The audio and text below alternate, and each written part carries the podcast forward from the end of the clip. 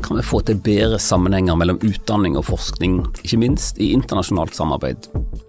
Mitt navn er Runo Isaksen, og i denne episoden av Kvalitetstid skal det handle om kreativitet og tverrfaglighet.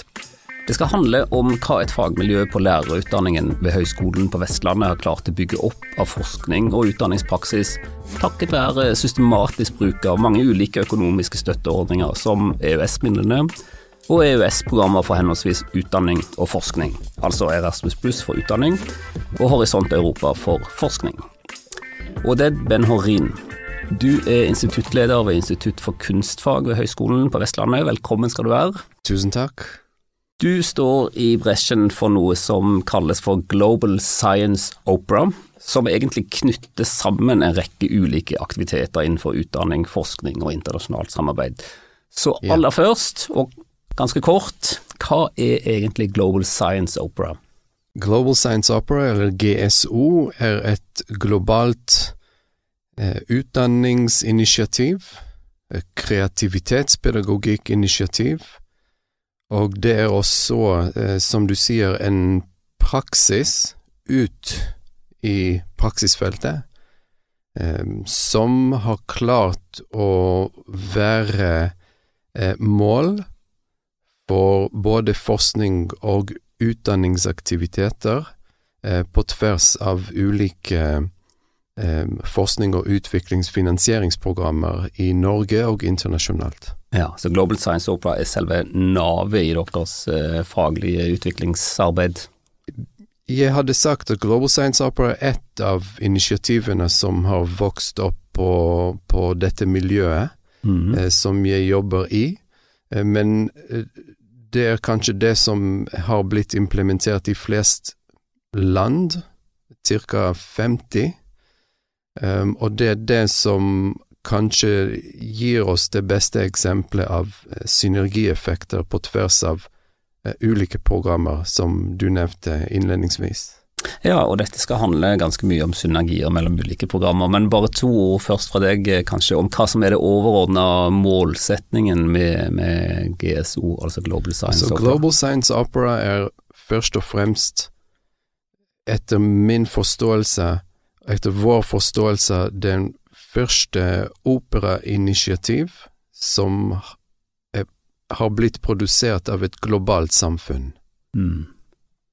Av, og det globale samfunnet består av hvem? Det globale samfunnet består av uh, veldig mange skoler, mm. uh, universiteter, høyskoler, uh, kunstinstitusjoner og vitens, vitenskap og forskningsinstitusjoner, bokstavelig talt verden rundt. Mm. I europeisk samarbeid, og som i så å si all internasjonalt samarbeid, så har man økonomisk støtte, prosjektstøtte, i en begrenset tidsperiode, ofte ja. typisk tre år, og så er det over. Eh, men du er veldig opptatt av at det ikke må være over etter at prosjektperioden er over. Du er veldig opptatt av at, eh, at resultatene må leve videre. Kan du fortelle litt mer om, eh, om det? Hvorfor er det så viktig at resultatene lever videre, f.eks.? Ja, for det første så tror jeg at hvis et fagmiljø eller forskningsmiljø har vært så heldig av å få en så stor investering sånn som man pleier å få hvis man får eksempelvis et Erasmus-prosjekt eller NFR-prosjekt, så er det viktig at, å, å sikre at resultatene av denne investeringen blir brukt maksimalt at vi får ut maksimalt potensial av den investeringen. Eh, for det andre så er det veldig viktig å bygge videre på tidlige, tidlige prosjekter, eh, for så ikke starte fra scratch hver gang man vil sette i gang et FoU-initiativ, eh, og for å sikre at vi implementerer det som vi har lært i tidligere prosjekter i de nye. Mm. Så og på denne måten skaper vi en større portefølje av FoU-prosjekter, uh, som igjen gir flere nye muligheter som vi kan gjerne diskutere i fortsettelsen. Mm. Ja, for det er jo sånn på, på, politisk nivå både i Norge og i EU generelt, så er det stor iver for å få til bedre koblinger mellom utdanning og forskning. Ja. Eh, og også bedre synergier, hvis vi snakker nå om EU sine programmer, altså Erasmus for utdanning og Horisont Europa for forskning. Eh, det er stor politisk vilje om å få til bedre synergier mellom disse to programmene. Ja. Eh, og dette har, har, du og ditt miljø på Høgskolen på Vestlandet jobba ganske systematisk med. Kan du fortelle litt mer om hvordan, hvordan dette kom i gang, og hvordan dere jobber litt mer konkret? Ja, for det første, eh, jeg kan gjerne presentere konkrete eksempler, men jeg vil uh, si at eh, jeg prøver ikke å presentere det som den riktige eller perfekte måten å gjøre dette på. Det fins helt sikkert også flere andre spennende eksempler, men kjernen i denne måten å jobbe på er å ha en praksis ut i Eller ja, en, en undervisningspraksis ut i den reelle verden, i dette tilfellet hovedsakelig skoler, eh, som man jobber med på tvers av utdanning og forskning og eh, formidlingsprosjekter osv. Så, videre. så hvis vi for eksempel har det som heter Global Science Opera, som er en veldig eh, mangfoldig og rik praksis og initiativ. Vi kan forske på, på dette initiativet med hjelp av eksempelvis eh, et prosjekt fra Forskningsrådet. Vi kan implementere det samme initiativet på skoler med hjelp av eksempelvis eh, støtte fra Erasmus Pluss-programmet vi kan um, undersøke ulike aspekter av eksempelvis hvordan det påvirker elevenes interesse i naturfag, eller det å bli eh, naturfagspesialister i fremtiden eh, med hjelp av eksempelvis et prosjekt som kommer fra Horisont 2020, osv. Um, og disse eksempler har vi faktisk jobbet med, de er ikke bare teoretiske eksempler. Så det å kunne ha en praksis som du kan støtte fra forskjellige kilder, og FoU-programmer, tror jeg er nøkkelen i det å skape synergieffekter. Når vi tenker og snakker om koblinger mellom forskning og utdanning, så tenker mange i hvert fall kanskje først og fremst på det at studenter i høyere utdanning skal bli involvert i professorenes eh, pågående aktiviteter på en eller annen måte. Det er kanskje ikke kjernen i det dere holder på med, men, men gjør dere noe på det feltet òg? Det gjør vi. Vi prøver å systematisk involvere høgskolens studenter i disse prosjektene. Vi anerkjenner at noen av de beste ideene som vil komme i fremtiden innenfor disse initiativene, vil komme fra studenter som er involvert, og det har vi opplevd tidligere. Vi vet at studenter, og ikke minst masterstudenter, ph.d.-studenter, har veldig mange gode ideer og perspektiver som vi har kanskje ikke tenkt på oss selv. Og vi ønsker selvsagt på denne måten å inspirere våre master- og ph.d.-studenter, og bachelor for så vidt, til å gå inn i dette fagfeltet hvor vi jobber tverrfaglig på tvers av kunstfagene og naturfag. Mm.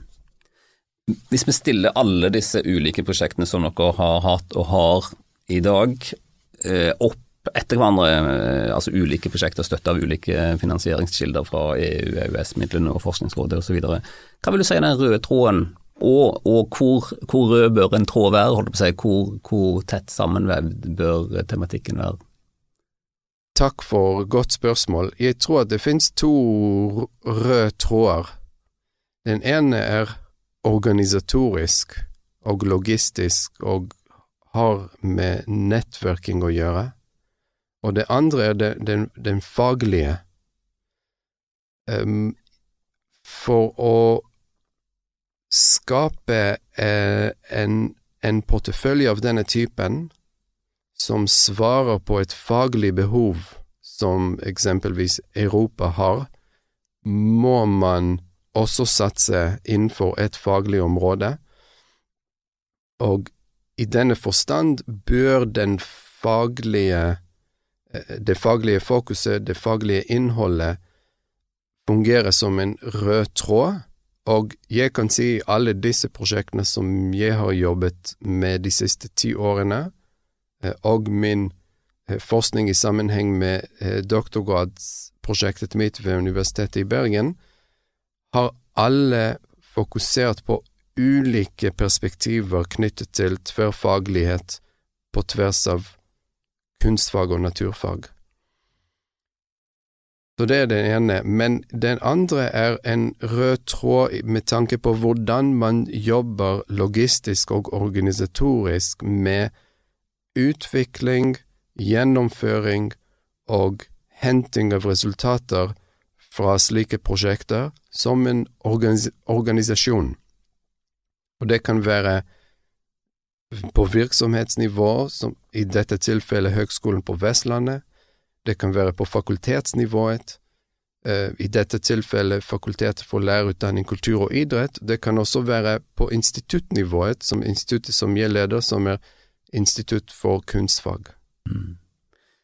Logistisk nivå og praktisk organisering. Eh, et lite oppfølgingsspørsmål om det som handler om søknader, eller nærmere bestemt å skrive søknader. Ja.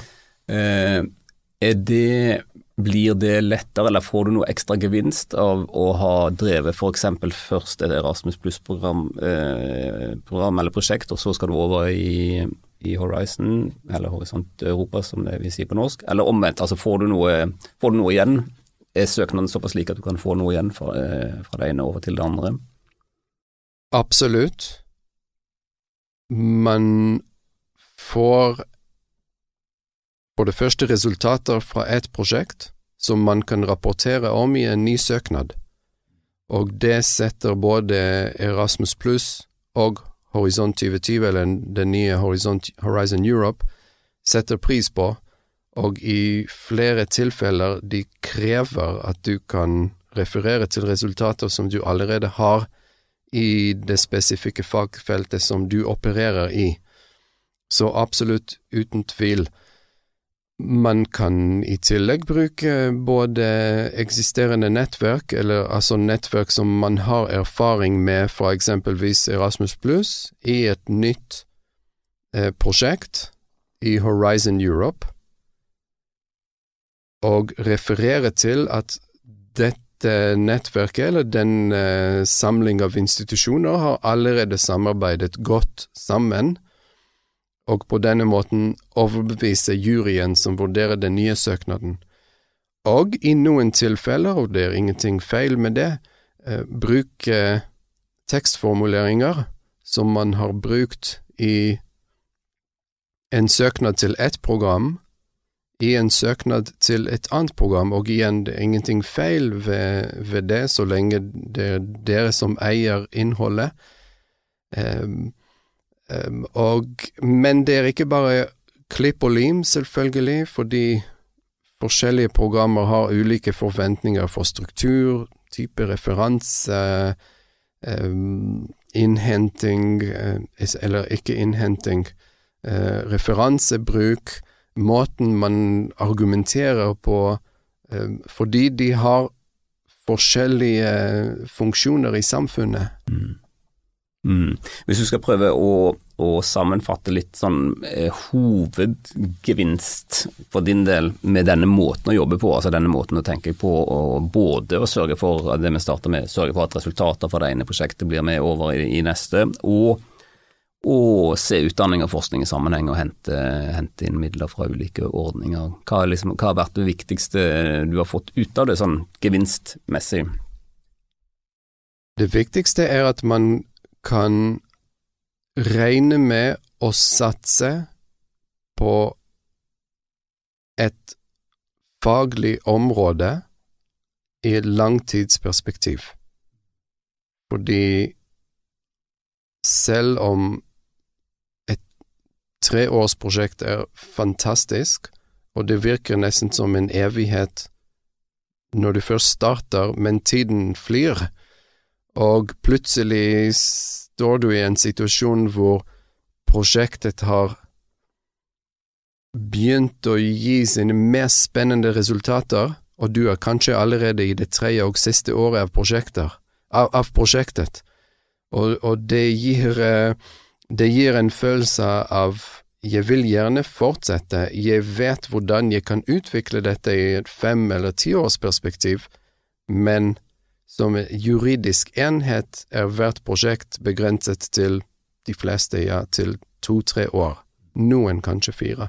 Så hvis du tenker portefølje, hvis du bruker en porteføljetenking, og du tenker på et nettverk som en gruppe eller, eller, en samling av institusjoner som du vil jobbe med over lang tid. Du kan også ha noen større tanker i forhold til hvor du mener, eller du visjonerer, hvis man vil, hvor dette fagfeltet kan utvikle seg til om ti år, og du kan være en del av drivkraften som påvirker retningen i et fagfelt, som er utrolig krevende, men fascinerende og utrolig spennende samtid, samtidig, og jeg mener med all ydmykhet at eh, de prosjektene som mine kolleger og meg har vært med på, har i noen områder bidratt til det som vi tenker på som state of the art, og ikke minst det med å lage tverrfaglige, globalproduserte operaer som er forankret i skoler verden rundt. Ok, vi skal gå inn for landing, og vi skal prøve å oppsummere hva som er hemmeligheten her, for å si det sånn. Eh, to spørsmål. Hvordan har dere klart A å få økonomisk støtte fra så mange ulike ordninger over såpass lang tid, og B sørge for at disse ulike prosjektene henger sammen, sånn at dere faktisk får til ønska utvikling og ønska effekter over tid. Det å få til økonomisk støtte fra flere programmer, det har å gjøre med at vi har rett og slett jobbet utrolig mye med å overbevise ulike finansieringsprogrammer om at vi har noe som de bør investere i. Det var ikke lett. Vi opplevde store, smertefulle skuffelser underveis, og selv om vi har hatt flere prosjekter, så har vi hatt enda flere søknader som ikke ble innvilget. For det andre, vi har hatt gleden av å jobbe systematisk med aktører i Europa, hovedsakelig, som har delt sin kunnskap og erfaring med oss, og som tok imot våre nye ideer, for så å skape, å skape noe nytt sammen, eh, som både i, i mitt hode fungerer som et system, ikke på en negativ måte, men på en positiv måte, system for å um, utvikle nye søknader som har vist seg til å ha relativt store innvilgelsessjanser.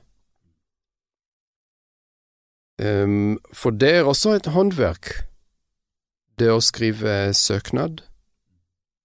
Det har med en forståelse av hvordan man koker lang, lange beskrivelser ned til kjernen i poenget. Og som jeg sa tidligere, altså, vi har også hatt mulighet av å bruke um, noen gode formuleringer som vi ser har fungert, som utgangspunkt til nye formuleringer. Så vi har en slags forståelse av hva vil eh, mest sannsynlig, eller forhåpentligvis, fungere, og det har vist seg at vi har blitt bedre og bedre på det etter hvert. Og hvor, til spørsmål B, hvordan vi har fått det til å fungere sammen. Jeg tror at det er et resultat av at vi har tatt steg for steg, i denne forstand at resultater fra ett prosjekt brukes veldig bevisst og veldig systematisk for å støtte opp under det neste prosjektet og den neste søknaden. Og det gjør at man har kontinuitet i den faglige utviklingen, i nettverket og i idéutviklingen som kommer ut av eksisterende prosjekter. Og det er veldig viktig um, å ha med seg når man tør å tenke på nye prosjektideer for fremtiden. Mm. Da sier jeg tusen takk til deg, Odd Ben Horin fra Høgskolen på Vestlandet. Lykke til med alt eh, kreativt og tverrfaglig arbeid videre. Eh, mitt navn er Runo Isaksen, og hvis du er interessert i europeisk samarbeid innen utdanning, så sjekk nettsiden hkdir.no. Og se etter nye episoder av Kvalitetstid, en podkast for deg som jobber med utdanning.